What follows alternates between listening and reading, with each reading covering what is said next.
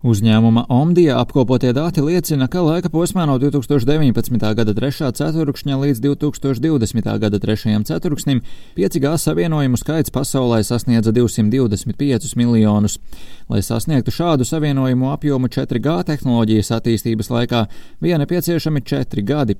5G nozare attīstījusies pat straujāk nekā tika paredzēts. Tā piemēram Ķīnas uzņēmums Huawei Technologies Baltijā norādījis, ka līdz 2020. gada beigām sasniegti 230 54 miljoni 5G savienojumu 52 dažādos tirgos. Līdz šī gada beigām 5G tīkls varētu būt pieejams jau 61 valstī.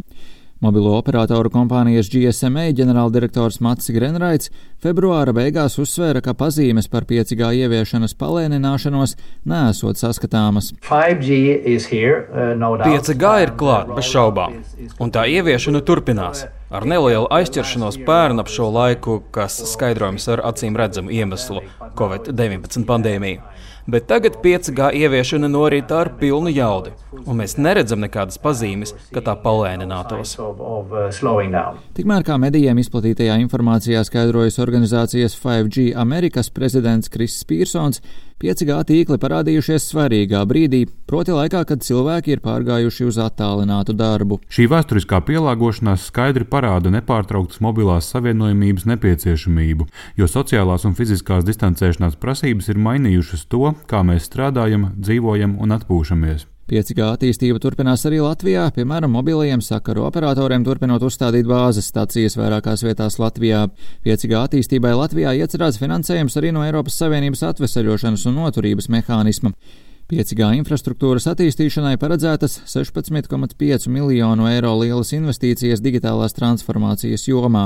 Tieši 5G infrastruktūras attīstību Eiropas komisija un Eiropas Savienības dalībvalstis ir identificējušas kā galveno investīciju jomu atvesaļošanas un noturības mehānismā, lai panāktu digitālu un videi draudzīgu atvesaļošanos pēc Covid-19 pandēmijas. Tiesa, lai gan pasaulē kopumā 5G tehnoloģiju attīstība pandēmijas laikā strauji turpinājusies, Eiropas Savienībā nesokas tik raiti, cik varētu vēlēties. Nākamnedēļ Eiropas komisija izvirzīs virkni jaunu mērķu 5G sakaru jomā, kā daļu no savas digitālās desmitgades plāniem. Pīters Štukmans, Eiropas komisijas pārstāvis, kas atbild par nākotnes savienojamības sistēmām, portālā Euraktiv.com skaidroja, ka vairākas apņemšanās nav izdevies īstenot. Viņa prāta Eiropas Savienība atpaliek, jo, piemēram, tikai puse dalībvalstu ir izpildījušas mērķus par 5G frekvenču joslu piešķiršanu, savukārt bloks kopumā atpaliek arī maza darbības attāluma bezvadu bāzes stāciju būvniecībā. Piemēram, Dienvidkorejā tādu jau ir vairāki simti tūkstoši. Bloka kavēšanās dēļ Eiropas Savienības auditori paziņoja, ka janvārī gada garumā sāks vētīt komisijas 5G stratēģiju. Revidenti norāda, ka viņu pētījumos jau ir atklāti pierādījumi par atšķirīgu pieeju 5G drošībai dalībvalstīs, kā arī atšķirības tehnoloģijas ieviešanas tempos visā kontinentā. Kā iemesli lēnākai 5G tehnoloģiju ieviešanai Eiropā tiek minēti koronavīrusa pandēmijas ietekme, cilvēku bažas par 5G riskiem veselībai un bažas par nākamās paudzes telekomunikāciju tīklu drošību.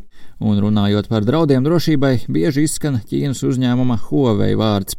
ASV norāda, ka uzņēmumam ir saites ar Ķīnas armiju un valdību, un Pekina tā tehnoloģijas var izmantot spiegošanai.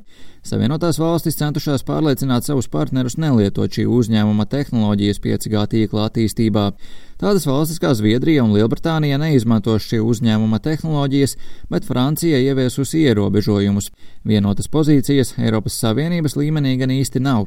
Latvijas ārlietu ministrijā rakstiskā komentārā par Huawei tehnoloģiju izmantošanu Latvijas 5G tīkla attīstībā skaidroja, ka ne deklarācija ar ASV par 5G drošību, nedz arī Eiropas Savienības centieni stiprināt 5G tīklu drošību nav vērsti ne pret vienu ražotāju konkrēti.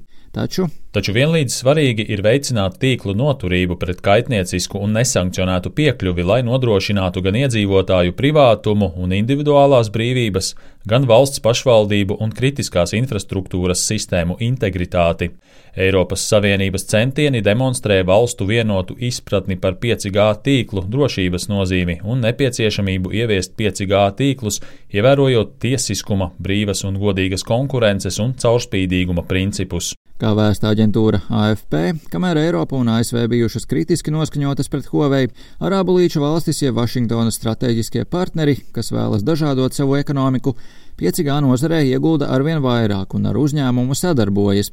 Persijas līča valstis, tostarp Sauda Arābija un apvienotie Arābu Emirāti, ir izvēlējušās Huawei 5G ieviešanai un arī sadarbojušās ar uzņēmumu, lai attīstītu viedās pilsētas. Tas ietver uzlabotus digitālos pakalpojumus un drošības uzraudzību, jeb Huawei specialitāti, ko līča valstis savu iedzīvotāju uzraudzības īstenošanai vērtē augstu.